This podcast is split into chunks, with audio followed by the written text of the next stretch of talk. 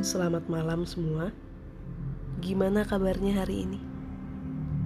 Sudah bahagia kah?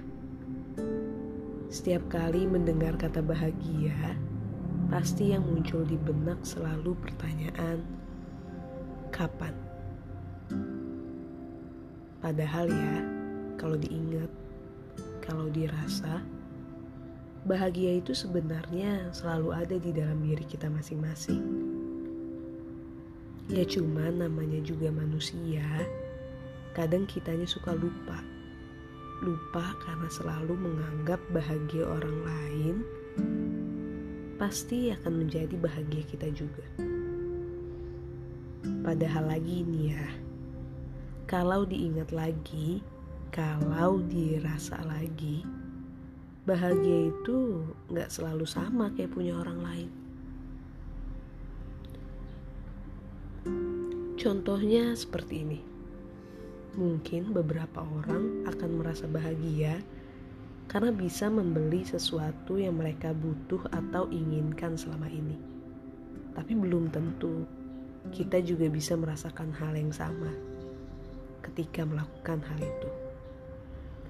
Terus gimana caranya biar diri kita sadar bahwa sebenarnya bahagia yang selama ini ditanya kapan itu ada di dalam diri kita masing-masing. Kalau kalian tanya saya, saya bakal ngejawab seperti ini.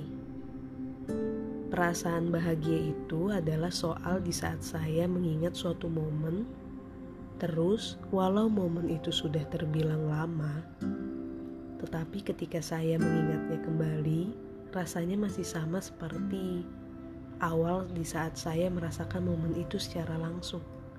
Terasa hangat dan menenangkan di hati.